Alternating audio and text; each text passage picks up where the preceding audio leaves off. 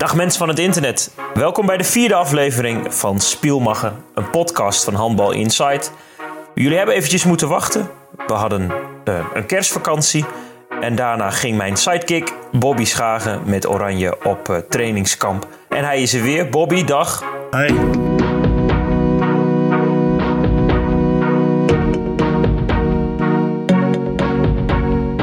In Noorwegen geweest met Oranje. Iets eerder teruggekomen, niet helemaal fit. Ja, klopt. Ik had een, uh, een niet meewerkende buikspier uh, slash uh, schaambeenachtig ding wat ik al een tijdje heb. En ja, dat, dat zorgde voor veel problemen. Dus zou ik naar huis gaan. En toen werd ik ook nog ziek. Dus het was uiteindelijk voor iedereen beter dat ik, dat ik niet meeging naar Slowakije nog. In het kort eventjes, hoe was het daar in Noorwegen met de Oranje Mannen... in voorbereiding op de EK-kwalificatieduels in april met Slovenië? Ja, was goed. Het was een uh, zwaar toernooi. We speelden tegen drie ploegen: uh, Brazilië, Noorwegen en IJsland. Die allemaal nu naar het WK gaan in januari. Dus die bereiden zich allemaal daarvoor, waren met de sterkste ploeg daar. Dus het was voor ons goed om tegen die ploegen te testen. Uh, we hebben wel drie keer verloren. Maar ik denk dat, we wel, dat het heel nuttig was tegen zulke ploegen. Spelen. Ja. Zullen we daar straks verder over uitweiden? Maar ja, eerst prima. denk ik toe naar het, ja, het grote nieuws. Nieke ja. Groot. Ze stopte ja, mee als international.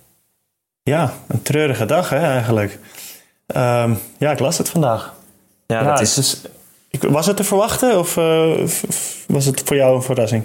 Nou ja, hè, nu uh, Yvette Brog is natuurlijk uh, gestopt. Sanne van Olven was daarna al gestopt. Maura Visser is gestopt bij Oranje. Dus ja, er is wel een soort van wisseling van de wacht gaande. Maar ja, de persoon waarvan je dat het allerlaatste hoopt is uh, de beste speelster en de kapitein natuurlijk, uh, Nieke Groot. Ja, is wel een aderlating, ja. Ja, je, ze heeft natuurlijk precies hetzelfde programma gehad als Yvette Brog. En uh, ja, op dat opzicht was het misschien te verwachten dat het gewoon een keer te veel is. Ze geeft ook aan graag nog door te willen gaan als speler, als clubspeler. Dat is natuurlijk ook gewoon haar werk. Maar het niet meer in combinatie te willen doen met uh, spelen voor de Oranje Dames. Omdat uh, ja, het lichaam dat niet meer redt. Ze wil meer rust. De kalender is, uh, speelkalender is bomvol. Kun jij je daarin vinden? Ja, zeker. Ja, ik, dat geven heel veel spelers aan, ook in het, in het mannenhandbal dat het gewoon te veel is. En zij zijn natuurlijk speelsters die op toernooien ver komen. Dus die de meeste wedstrijden op een toernooi spelen om de medailles. Ze komen in de Champions League tot de finale. Ze hebben een zware competitie. En bekertoernooi waarschijnlijk komen ze daar ook ver. Ja, ik snap dat wel. Het is gewoon, het is te veel. Het zijn te veel wedstrijden. En ja, je, je hoorde het ook migraine aanval op de toernooi en zo. En ja, het is gewoon, op een gegeven moment moet je, moet je keuzes maken. Het was zelfs zo erg uh, voor de vrouwen dat uh, Neagu, de beste speelster van Roemenië, gewoon tijdens het EK haar kruisband volledig afscheurde. En ja, die uh, coach Ambros Martin, die zei ook van we moeten nu iets aan de kalender gaan doen, want het is gekkenhuis. Ik weet bijvoorbeeld dat de speelsters van Oranje die actief zijn in de Champions League um, een Champions League weekend hadden. Dus of op zaterdag of, of op zondag speelden. En dat kan best zijn dat ze bijvoorbeeld uitspeelden. En een dag later moesten ze zich al melden in Papendal. Om anderhalf week later de eerste wedstrijd op EK te gaan spelen. Dat is natuurlijk gekkenhuis. Ja, dat is bizar. Je, ziet het ook. Ook nu bij het mannentoernooi, daar is uh, Karabatic geblesseerd. Er zijn zoveel goede spelers geblesseerd. Ook nu tijdens die wedstrijden, wij speelden tegen IJsland. Daar hebben er nu ook weer twee of drie zich van afgemeld. Die toch geblesseerd zijn en niet mee kunnen naar het toernooi. En ja, het is gewoon roofbouw wat je pleegt. Dat moet wel echt veranderen. Wordt er dan al gesproken ook uh, bijvoorbeeld met jouw ploeggenoten of met de club uh, Stuttgart over oplossingen? Worden de oplossingen aangedragen? Ja, kijk, bij ons is het anders bij Stuttgart natuurlijk. Wij hebben onze Bundesliga-wedstrijden. We zijn in de beker, uh, dus liggen we er soms vrij snel uit. Wij hebben alleen de competitie en we hebben ook niet zoveel internationals. Ik, ik en twee Zwitsers. Dus daar, daar speelt het probleem helemaal niet zo. Maar het zijn juist die ploegen die in de Europa Cup veel spelen, Flensburg en zo, die ik hoorde dat die van september tot aan december elke woensdag, zondag spelen. Elke woensdag en zondag. En dan niet in Duitsland, maar ook eh, spelen Champions League in Kroatië. En eh, die moeten ook nog die reizen maken. En dan zijn ze klaar. En dat zijn natuurlijk allemaal internationals, want het zijn goede spelers. En dan gaan ze met Denemarken, Zweden en zo naar zo'n toernooi. Ja, dat is gewoon wachten op blessures en het wachten op dat het een keer fout gaat. Hoe zonde is het? Ja, dit is echt uh, natuurlijk een, een hartstikke open deur. Dus dat, er zit gewoon een gat in het huis. Hoe, hoe zonde is het dat uh, Groot stopt bij Nederland? Ja, dat is, uh, het is niet zomaar iemand die je mist. Dat is gewoon de beste speelster. En misschien wel de beste van de wereld. Als die bij een ploeg stopt. Ik bedoel, ja, hoe zonde is het als Messi stopt bij Barcelona? Ik bedoel, dat is een mm-hmm. beetje dezelfde vraag. Is dat op te lossen? Ja, weet ik niet. Het lijkt me niet. Maar ja, je zal wel moeten een gedachte die door, door mijn hoofd ging was... zij is natuurlijk door eh, die migraineaanval een aantal wedstrijden uh, ja, er niet geweest op het EK. En toen hield Oranje wel het hoofd boven water. Misschien was dat zo'n moment dat zij iets meer van een afstandje toekeek en dacht... oké, maar deze ploeg redt het ook zonder mij. Hè? Ondanks dat ze geniaal is en absoluut de allerbeste van misschien wel de wereld, zoals je zegt. Misschien kreeg zij toen wel het idee zo van: als er een moment is dat ik eruit moet gaan met heel veel pijn, is dat nu wel. Ik weet het niet, hè? Ja, dat weet ik ook niet. Je kan niet in iemands hoofd kijken, maar kijk, het is natuurlijk een verschil of je het een wedstrijd of twee wedstrijden redt zonder je beste speelster en, en aanvoerster en leidster, zeg maar. Of dat je net een heel toernooi redt. Dat is natuurlijk nog wel een verschilletje. Maar ja, dat zal zich moeten uitwijzen. Wel een beetje een omslag hè? gaande nu. Uh, gaat nu echt wel een wisseling van de wacht komen. En uh, de nieuwe generatie moet er misschien toch sneller staan dan dat uh, ja. bijvoorbeeld vorig jaar gedacht werd rond deze tijd. Toen was Brogger nog, toen was Snelde, nou had niet desdanige fysieke klachten. Van Olven was er nog, Visser was er nog.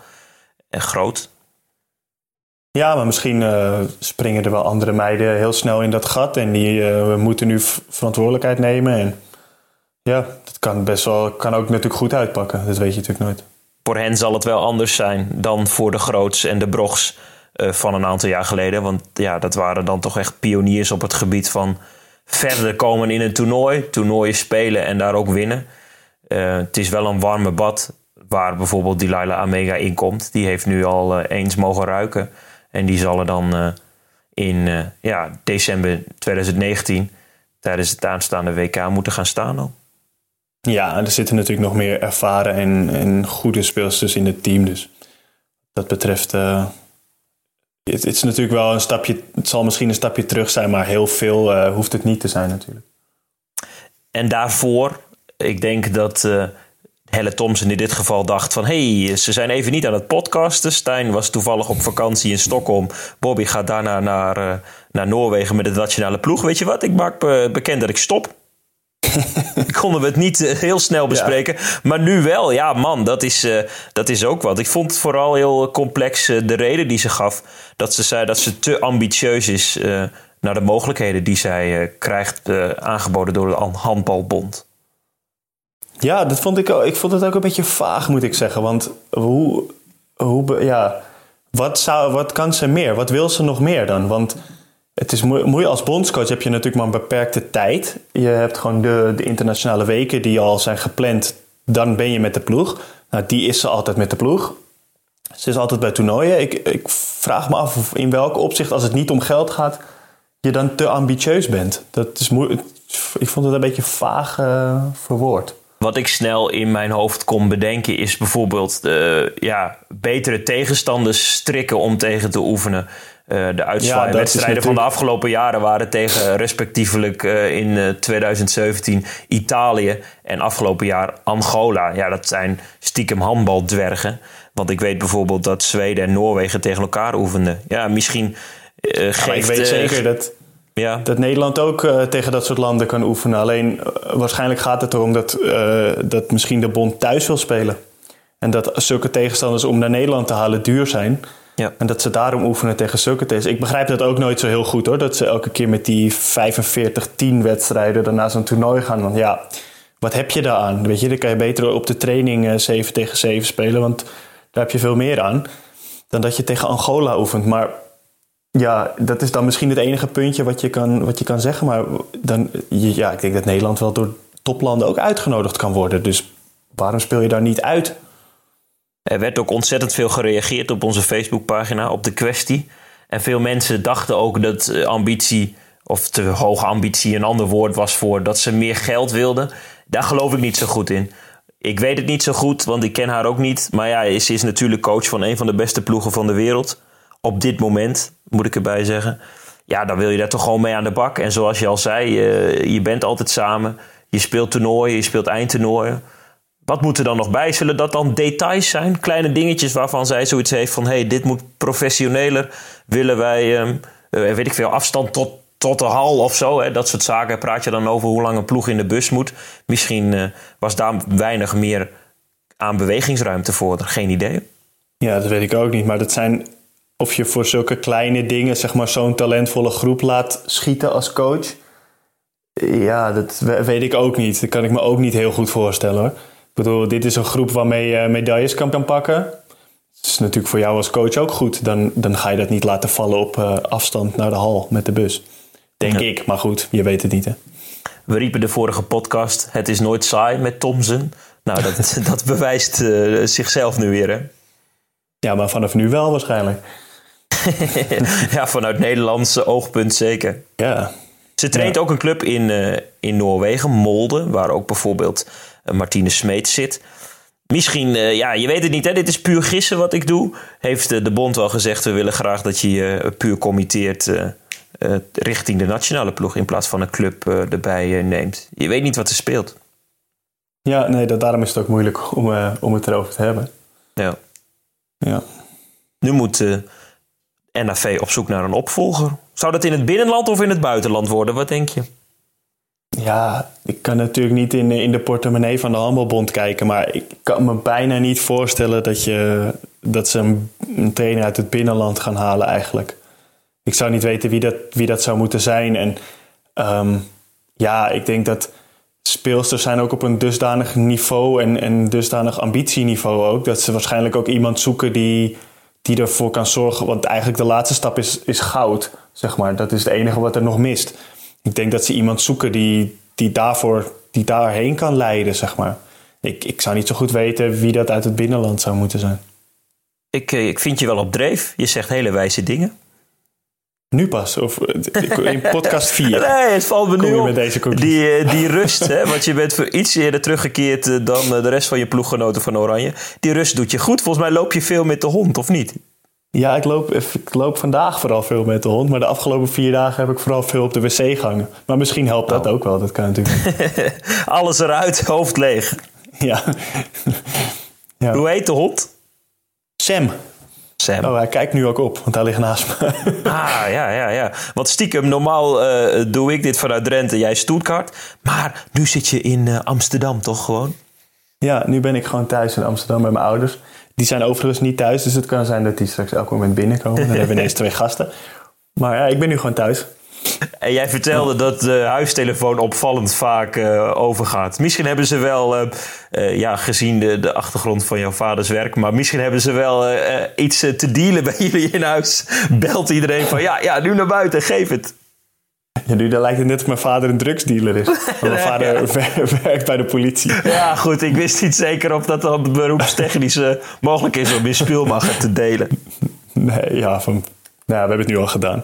Nee, ja, ik heb de telefoon net ontmanteld, want die eh, ging vanavond opvallend vaak. Dus ik dacht, ik doe hem gewoon uit, zodat hij niet... eh, dat hebben we al een keer in de podcast gehad, maar dat hoeft niet nu de hele avond, zeg maar.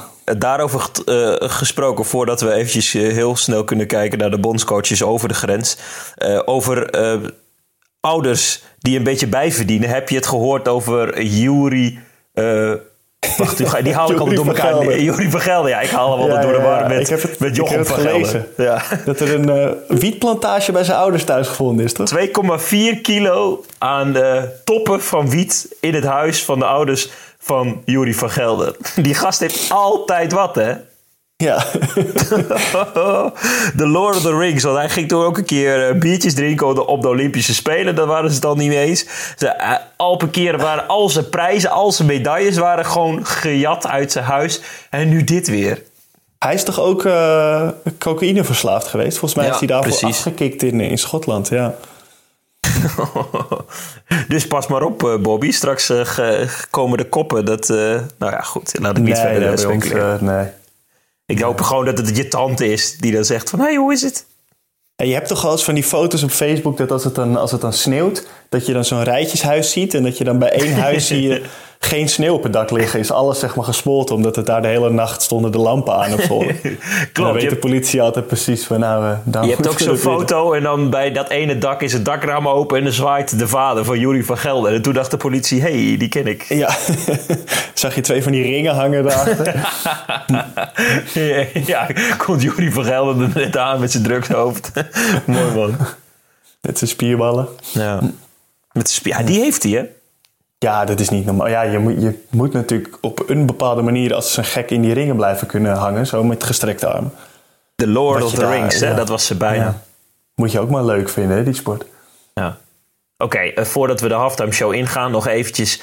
Ehm, dus dan wordt het geen Nederlandse bondscoach. Al werd er natuurlijk wel weer gespeculeerd, want Portenge, oud-assistent, stopt uh, na dit seizoen bij Volendam. Dan zou de weg vrij zijn. Dat zie ik zelf nog niet zo goed gebeuren. Volgens mij als mens zat hij vrij dicht ook op die groep. Het is natuurlijk wel een, eh, een man die ook houdt van uh, nou, grappen uithalen en zo. Volgens mij zat hij vrij dicht op die groep en was hij assistent van Henk Groene destijds. Ik zie het nog niet zo voor me dat hij dan opeens de hoofdcoach wordt. Mede door ook de redenen die jij aangeeft. Ze spelen allemaal in de top van Europa. Het zal wel een stap terug zijn, vrees ik. Ja, weet ik niet zo goed. Ik denk dat Peter het op zich wel zou kunnen. Alleen ik denk dat voor hem ook die rol met, met Groener als een soort groepsmentor. En ik hoorde dat Groener dan veel de dekking deed en Portenge de aanval. Dat was denk ik wel ideaal op dat moment. Ik weet niet of hij dat alleen ook zou willen. Of heb ik geen idee. Heb jij bij Volendam nog onder hem gezeten? Ja, één jaar. Mijn allereerste jaar in de Eredivisie. En? Ja, voor mij was het een supertrainer. Die heeft echt... Uh, ja, dat was voor mij het startschot, zeg maar. Dat ik... Vanaf dat jaar dacht ik wel van... Oh ja, ik wil eigenlijk wel verder komen met handbal. Ik, uh, ik kwam toen uit de jeugd van Aristos. En ik was 16 of 17 geloof ik toen ik bij Volendam begon. En toen kreeg ik Porteng en ik ben in één jaar zoveel gegroeid toen. Dat, uh, voor mij was dat echt de perfecte trainer op dat moment. Cool, ja. De, hij heeft veel successen behaald. Bij bijvoorbeeld Volendam, maar ook bij de vrouwen van Dalfsen. En nu ja. bezig aan zijn tweede seizoen opnieuw bij Volendam. Wil nog niet echt vlot, hè? Nee, maar dat verbaast me wel. Want dat, dat hebben we ook wel eens in de vorige podcast uh, besproken. Dat, dat, dat ze eigenlijk echt een goede groep hebben en dat het niet echt lukt.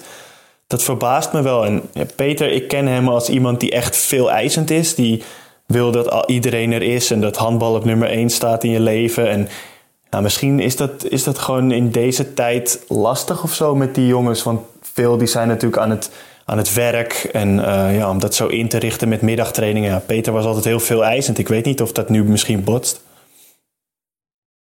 Misschien wordt hij het, misschien wordt hij het ook wel niet. Uh, buitenlandse namen. Ja, het, dat heeft uh, de nieuwe technisch directeur, of de nieuwe, hij zit er al een tijdje, maar Paul van Gestel ook met de mannen natuurlijk gedaan. Hij kwam opeens uh, na het ontslag van Joop Vieger met Richardson. Of hoe, hoe noemen jullie hem, Erlingoer? ik noem hem altijd coach. Want uh, Erlingoer is een beetje... ja, ik weet niet of ik dat goed uitspreek. En het is een beetje een moeilijke... En toen kwam ik met Richardson. Ja, ik heb, ik, het is een moeilijke naam. Maar eh, coach kwam dan zomaar uit de hoge hoed. Misschien vindt hij opnieuw een Scandinavië. Want als hoofdtrainer zou je gek zijn als je het niet doet. Want er staat een hele goede ploeg. Ze zijn nog geplaatst voor het WK. Het jaar daarop is de Olympische Spelen in 2020 in Tokio. Nou goed, dan kun je je cv mogelijk een beetje opvijzelen. Ja, ja nee, zeker. Ja, ja, het is een mooie groep, jonge groep ook. En uh, heel veel mogelijkheden. Ik denk dat iedere trainer dat graag wil doen, ja. Ik ben benieuwd. Ik denk als wij zo meteen onze telefoon van vliegtuigstand afdoen... dat er een nieuwe bondscoach is. Ja, of Helle Thompson heeft ons weer iets geflikt en was het allemaal een grapje. ja, heel mooi is dat. hey, zullen wij uh, gaan naar de halftime show? Ja, gezellig. Het uh, segment in deze podcast, Spielmacher, uh, waar de luisteraar ook invloed op heeft. Je kunt uh, ideeën, dan wel vragen of uh, onderwerpen die je graag wil aankaarten, doorsturen naar nou, de bekende wegen. De social media kanalen van Handbal Insight. Of mailen, Bobby, handbalinsight.nl. Die doet het nog steeds, hè, die mailbox. Ja, maar ik had weinig mailtjes deze, deze dagen. Verdorie. Ik denk dat het door de kerst of zo, uh, door de kerstreces... Uh, ja, laten we dan ook een, een oproep doen aan de mensen om dat absoluut te doen. Vragen, onderwerpen. Het mag gaan over handbal. Het hoeft niet te gaan over handbal. Ik kreeg via Instagram een DM'tje van ja. Mijks. En Mijks schreef je dan met vier S'en aan het eind. En uh, die zei: Ik heb een vraag voor de, de podcast. Wie is jullie favoriete underdog in de Nederlandse handbalwereld? De underdog. Vond ik wel een interessante kwestie. Dus uh, voor wie hebben we eigenlijk wel uh, sympathie, maar is niet per se de kampioenskandidaat. Heb jij zo, uh, zo clubs waar je wel wat voor voelt? In de eredivisie gaat het dan om? Of Geen de idee. Ik denk dat, je, oh. dat Mijks vindt dat we dat zelf mogen invullen. ja. Het is um... flauw, hè, want ik heb hierover na kunnen denken. Want ik had deze vraag al in mijn ja, ja. DM'tjes. Dan mag jij ook eerst antwoorden. Nou, ik heb altijd wel een beetje sympathie voor uh, ploegen uit Oost-Nederland. Want daar is vrouwenhandbal heel groot. En, um, en die doen het ook altijd verrassend goed wel. En dan zonder al te veel bombardie. Dus uh, ja, ploegen als uh, Borhaven en DSVD. En stiekem ook Dalfsen. Al hebben die misschien iets meer bombardie. Dat mag ook als je iets meer prijzen hebt. Maar ook voorwaarts, de koploper in de eerste divisie. Ik vind het altijd wel wat. Want daar speelt veel eigen jeugd. Dat groeit dan door tot aan het eerste. En met ploegen als DSVD en ook Borhaven, die onderaan de eredivisie spelen, komen ze uit op het hoogste niveau. Dus daar heb ik altijd denk ik wel een, een, een zwak voor. Ik vind het ook altijd een leuk accent overigens. Oké, ja, ik, ik heb even nagedacht. Ik, um, ik heb altijd wel een, een, Ik denk in de Benelink denk ik dat ik wel een zwak heb voor Hurry Up. Omdat ik dat een. Ik vind dat een. Net als ENO eigenlijk, maar die spelen natuurlijk uh, een niveautje lager. Ik vind dat wel twee mooie clubs. Daar leeft handbal heel erg. En uh, ja, dit altijd hele vriendelijke mensen als je daar komt en zo. De sporthal zit vol. En uh, dat vind ik altijd vind ik mooie clubs. Natuurlijk bij Hurry Up, Tim Remer als trainer. Ja, dat vind ik, vind, vind ik mooi. Dus bij mij mogen die wel, uh, vind ik wel een mooie underdog. Ik mag die vanuit mijn vak als uh, sportjournalist bij regionale omroep RTV Drenthe van dichtbij meemaken. Die clubs die je nu noemt. Ik vind het uh, ook wel leuk, want Tim Remer is natuurlijk oud international. Wil misschien nog wel weer terugkeren, want hij is nu ge geblesseerd. En die heeft gewoon op een gegeven moment een uh, stapje terug gedaan. Ik vind dat hij het wel leuk doet hoor, als trainer-coach. Hij neemt het namelijk heel serieus. Jij kent hem als speler. Maar nu moet hij natuurlijk ja. opeens de omslag maken naar trainer. Ja, dat, is, dat vraagt wel iets anders voor je als mens. En vooral hoe je je natuurlijk opstelt richting ook, ook pers en media. Ja, hij is wel heel open. Vind ik leuk.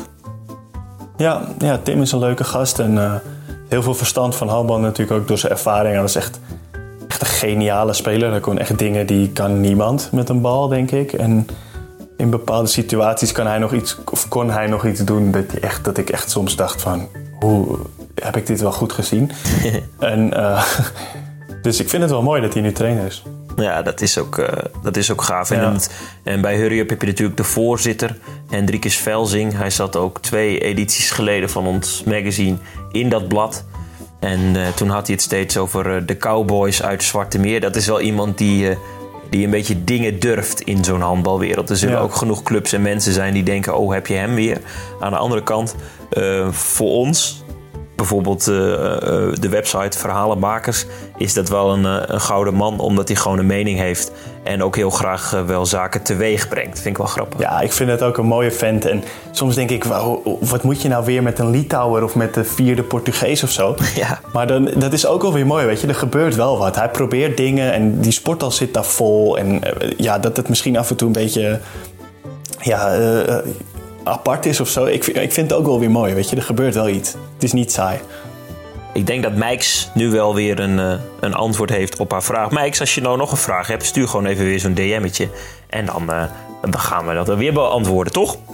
Ja, ik, wat me trouwens nog te binnen schiet, over, nu we het over Tim Remer hadden. Ik heb een keer een doelpunt van hem gezien. Ik denk dat je dat nog nooit hebt gezien. We waren in Finland, geloof ik, met het Nederlands team. En hij ging op de break. En ik weet niet meer precies hoe het ging, maar hij, was, hij kon geen kant op. Toen uh, gooide hij de bal op de rug van de verdediger die voor hem liep, zeg maar, die hem afsneed of zo. Ja. Toen ving hij hem weer en toen kon hij verder, uh, verder dribbelen en toen maakte hij een doelpunt. Nou, echt, er waren geloof ik twintig vinnen op de tribune, maar die gingen allemaal helemaal los. de tegenstander stond op en applaudisseerde en wij, uh, ja, ik had echt, ik dacht dat ik het niet goed zag, weet je. Ik, dacht, wat deed hij nou? Oh, wat hij stopte, hij wist niet meer, zeg maar, kon hem niet meer afspelen. Toen gooide hij hem gewoon op de rug van de tegenstander, ving hem nog een keer.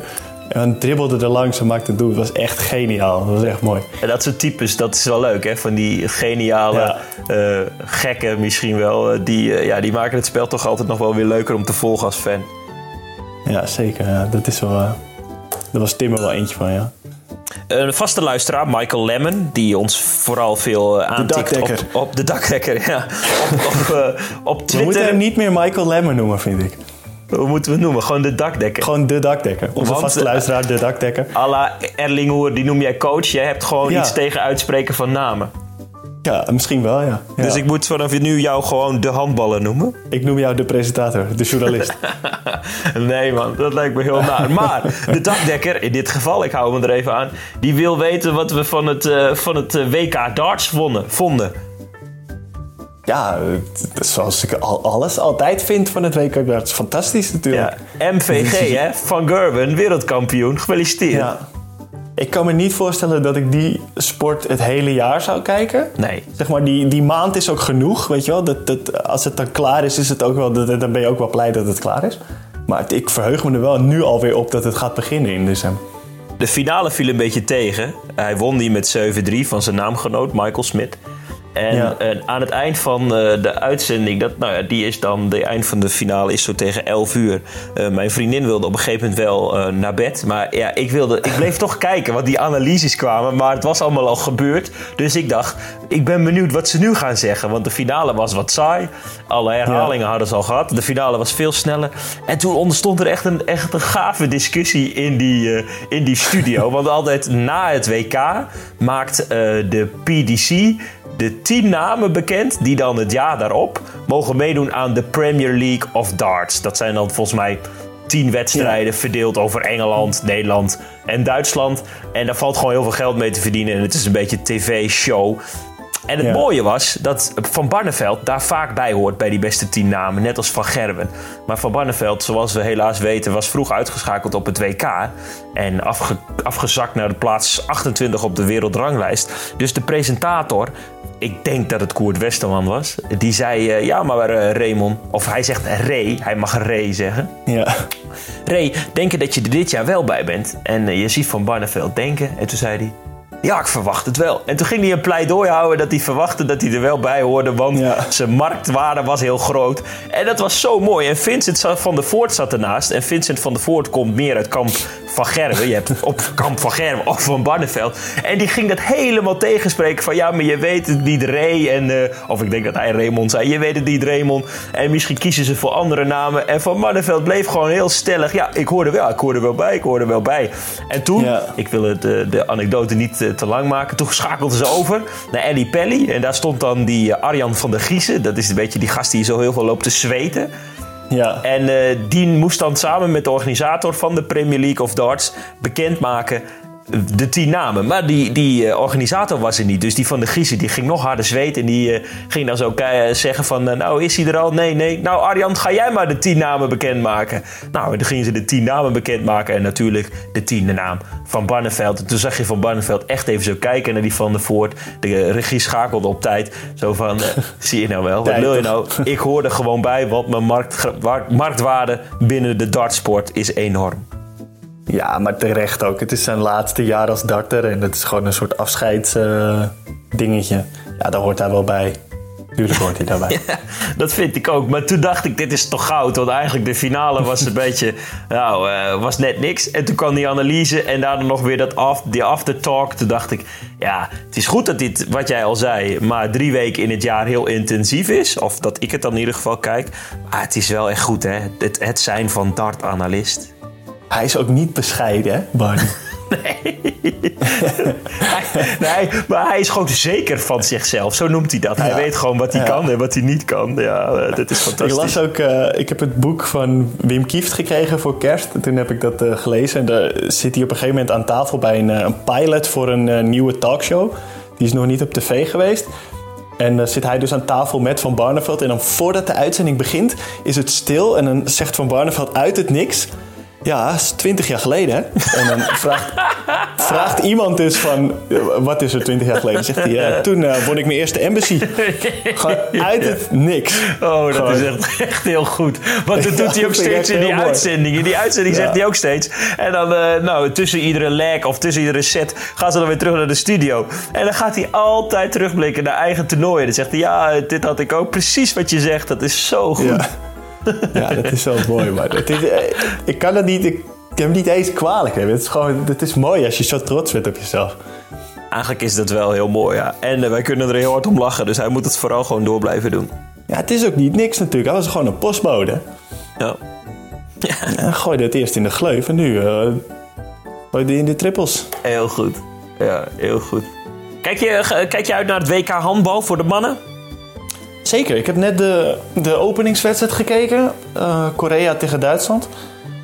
En eh, dat was een makkie voor Duitsland eigenlijk. Maar ik heb er wel zin in, ja. Vind ik leuk. Jij woont natuurlijk in Duitsland. Jij speelt in de Bundesliga.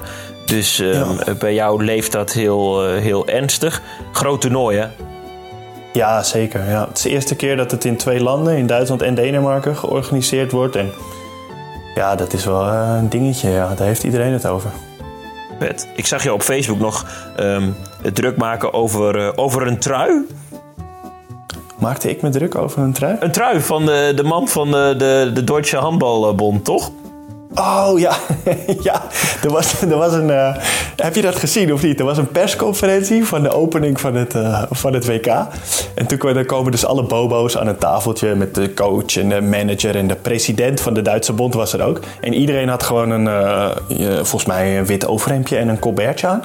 Maar de vicepresident van de Duitse bond had een Versace-trui aan. Nou, met, ik weet niet wat het waren, gouden draken of zo erop. Het was echt ver, ver over de top. Het leek net een soort gangsterrapper.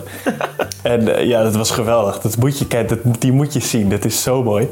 Dat is ook de, dat is Bob Hanning. Dat is, eh, Bob Hanning heet hij. ja, Bob Hanning. En hij is vicepresident van de Duitse Bond. En hij is ook volgens mij de baas van Fuchse Berlin. Ik weet niet wat hij precies daar doet. Technisch directeur of zo. Het was me al eens opgevallen dat als Fuchse Berlin een, een speler haalt... dat hij dan zo'n... dan hebben ze zo'n handenschudfoto, zeg maar. En dan heeft hij ook altijd van die hele gekke trui aan. Dus het was me al een keer opgevallen dat zijn smaak niet de mijne is, zeg maar. maar nu, nu had hij het wel echt bond gemaakt. Dat, dat moet je zien. Wauw. Die moeten we misschien ergens een keer eh, posten of zo. Heel goed, heel goed. Maar mag ik deze halftime show eindigen met een tip? Ja, Want eigenlijk mag het natuurlijk over handbal gaan, maar we vinden ook dat het wel eens over iets anders mag gaan. Ik ben namelijk naar de bioscoop geweest. Oh. En ik ging naar Fantastic Beast 2. Ik weet niet of je de Fantastic Beast serie kent. nee. Nee, dat, dat borduurt een beetje voor op eh, Harry Potter. Ken je Harry Potter? Ja, Harry Potter heb ik wel eh, gelezen en gezien. Nou, dat vind ik vet. En dat Fantastic Beast, dat is dan nu al toe aan de tweede film. En ik heb de eerste film gezien en daar viel ik in slaap. Ik vond het helemaal kut. Dus de mensen die eh, Fantastic Beast 1 hebben gezien en mijn, delen, eh, mijn mening delen... Ga naar Fantastic Beast 2, want die film is echt 200% veel vetter. Oké. Waar gaat het dan over? Dan- Dan is Harry Potter nu er ook weer, of zijn kinderen, of wat, Nee, hoe- het gaat eh, over de, de jaren voor Harry Potter. Ja, het is allemaal heel ver gezocht. Maar nu was bijvoorbeeld eh Perkamentus er. En in plaats van een oude gast is dat gewoon een man van eh 35. Ah, oké.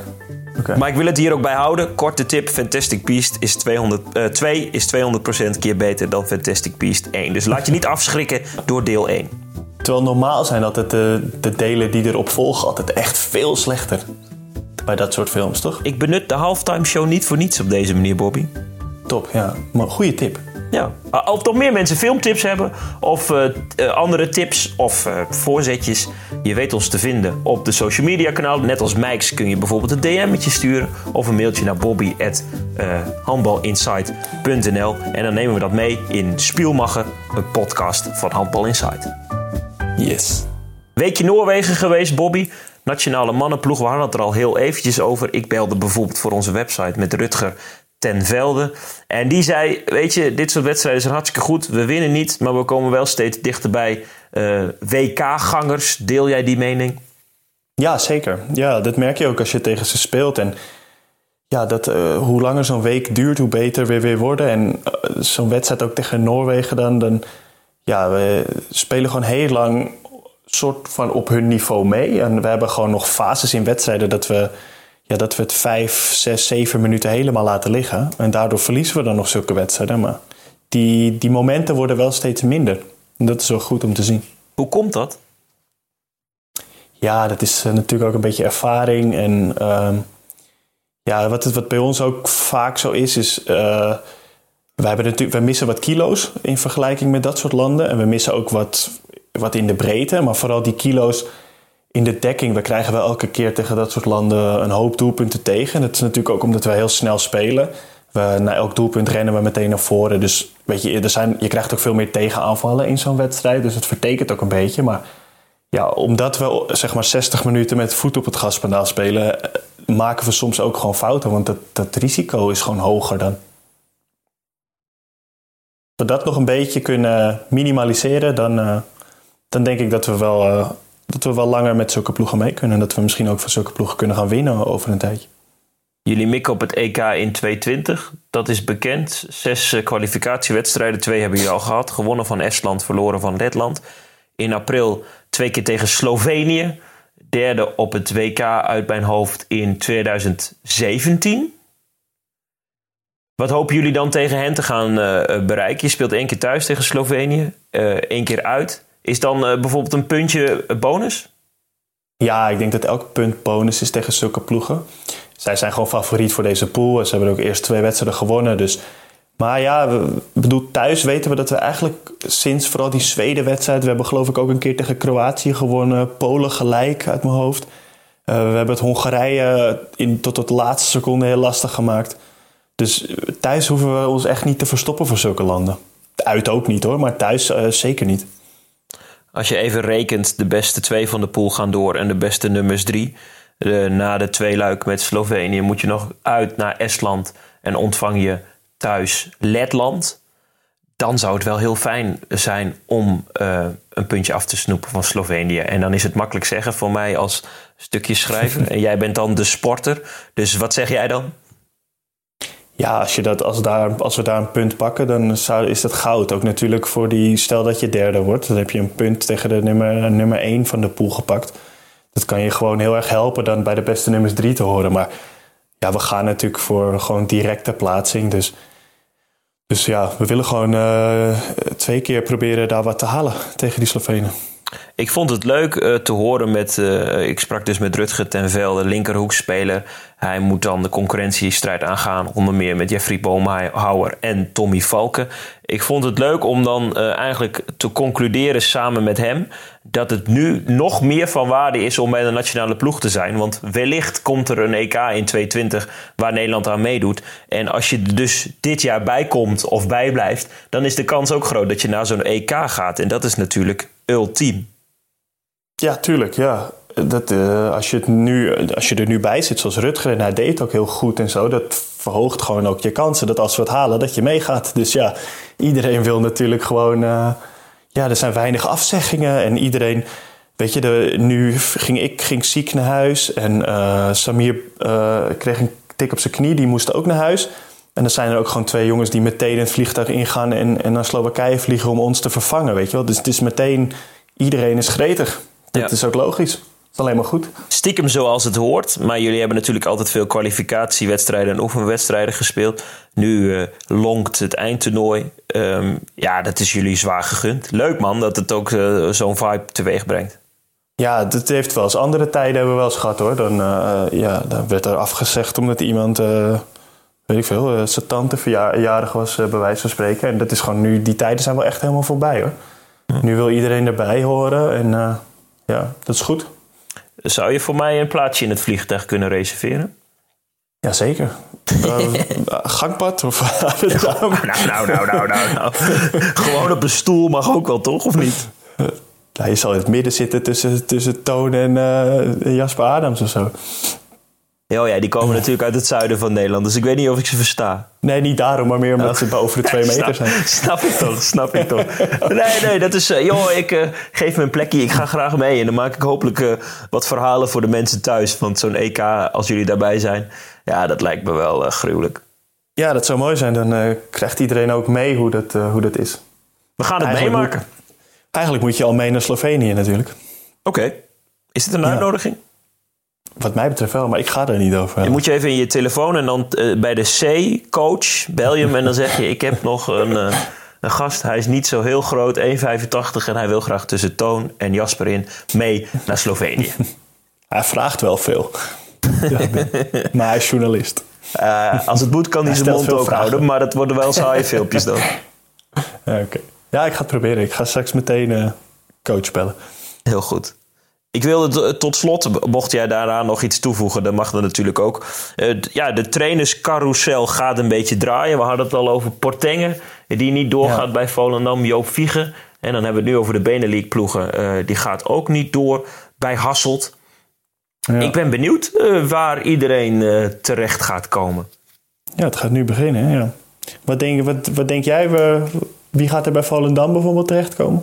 Zou dat wat zijn voor Joop? Of gaat dat carouselletje zeg maar, met Nederlandse trainers, die eigenlijk, ja, eigenlijk zijn het er helemaal niet zoveel, die altijd een beetje ronddraaien. Gaat dat nu ook gewoon weer? Gaan die allemaal gewoon schuiven? Ja, ik ben heel benieuwd. Ik zag iemand, uh, Piotr Konic, weer tippen bij Volendam. Die heeft daar uh, goed vertoefd twee jaar geleden. Dat, dat scheen wel een match te zijn geweest. Die zit dan nu in België. Ja, geen idee. Misschien halen ze, halen ze hem terug. Eh, ik, ik wil er wel uh, induiken de komende weken. Want voor nu is het alleen nog maar uh, gissen. En gaan we misschien namen koppelen aan, aan clubs. En is het totaal niet aan de orde. Maar ik vind het wel interessant. Ja, dat maakt jouw werk natuurlijk leuk. Ja, en voor Handbal Insight is het interessant. Nu komt de tijd en de periode weer van uh, de vele wisselingen. En um, uh, nou ja, naarmate de, bijvoorbeeld de lente dichterbij komt, heb je iedere week wel een moment dat je denkt: oh hé, hey, die speler gaat daar naartoe. Of hé, uh, hey, die trainer gaat daar aan de slag. Ja, brengt wel wat teweeg. Ja, leuk. Ja. Jij bent al zeker. Jij gaat naar, naar Lemgo na de zomer. Zin in? Klopt. Ja, zeker, ja. Ja, het is nog een beetje uh, ver weg allemaal, voor mijn gevoel. Ik ben er nog niet zoveel mee bezig, moet ik eerlijk zeggen. Ik heb het er natuurlijk nu bij het Nederlands team met Dani een beetje over gehad. Dani Bayens, die er al zit. Maar ik, ja, ik denk dat ik de komende twee, drie maanden eens op zoek ga naar een huisje. En dan ga ik me er een beetje meer op, uh, op voorbereiden. Maar het was nu gewoon te druk. En ik, ja, ik ben ook gewoon nog bij Stuttgart. En ik wil het seizoen ook gewoon goed afmaken en die kwalificatie spelen. Dus ik ben er nog niet zo heel erg mee bezig, moet ik zeggen. En komend weekend met Sam op pad. Gewoon weer door de Amsterdamse velden. We gaan denk ik naar Sparenwoude dit weekend. Dat is een mooi recreatiegebied hier. Dat vindt hij altijd wel leuk. Heerlijk. Het is je gegund. Een beetje rust. Eh, dat is dan, misschien is de cirkel op die manier rond. Jouw lichaam ja. zei misschien ook even stop. Dat uh, lichaam van Nieke Groot zei helemaal van... Uh, ik moet een keuze maken om langer door te kunnen gaan. Ja, als, dus, ja. als de kalenders niet minder vol raken dan moet je zelf maatregelen gaan nemen. En anders doet je lichaam dat. Ja, nee, helemaal begrijpelijk hoor. Vooral uh, in haar situatie moet ik uh, zeggen. Dat is niet te vergelijken met die van mij, maar dat van haar, dat, uh, dat begrijp ik wel, ja. En ook in jouw geval voor landsbelang is het natuurlijk gewoon hartstikke fijn als je dit over een aantal maanden tegen Slovenië weer terug bent. En in jouw geval bij Stuttgart gewoon snel weer aan de bak kunt en punten pakken, zodat de degradatiestreep voor goed ja, afstand van wordt gedaan. Ja, zeker. Ja. Dat is het, uh, het grote doel. Dat dacht ik. En bij jullie loopt de competitie nog gewoon door? Ja, ja, de hoofdklasse? Bo hoofdklasse, bommetje vol, bommetje vol. Nee, uh, uh, bullshit. We zijn wel weer begonnen, uh, vorig weekend, gewonnen in eigen huis van de opleidingsploeg van Hurry Up. En um, de vorige podcast sloot, sloot ik af met twee winstpartijen tegen hoogvliegers. Dus uh, met een derde plaats en twee punten achterstand op de koploper doen we gewoon nog, uh, nog mee. Aan de andere Mooi. kant, uh, volgens mij de nummer 8 heeft vier punten minder. Dus gaan we dit weekend tegen Unitas onderuit. Dan maak je weer een duikeling richting plaats 5. Jongen, die hoofdklasse A, het is een competitie, Bobby, je hoort het. Ja. het is één groot moeras. ja, ja, harsloos moeras. Maar vooral. dat zijn toch de mooiste competities. eh, dat iedereen van iedereen kan winnen. Dat is zeker waar. klinkt ja, dat is eh, zeker mooi. Dus ik ga me daar maar even mentaal op voorbereiden. Dan wens ik jou heel veel succes met, eh, met de hond. Dankjewel. Ik zal hem de groeten doen. En dan wil ik tot slot nog even mensen. Doe vooral vragen inzenden en voorzetjes en eh, ideeën voor de halftime show via social media. En anders eh, wel eh, via eh bobby.handbalinsight.nl. En je mag ook laten weten wat je ervan vindt of wat beter kan. Of als je vindt dat de ene gesprekspartner vooral zijn, zijn mond dicht moet houden die weinig zinnig zegt. Kom maar door. Ja, dan wordt het wel een lastig gesprek. Maar goed, als mensen dat vinden, dan ben ik overal toe bereid. Heel goed. Bobby, tjus. Tschüss, auf Wiedersehen. Auf Wiedersehen.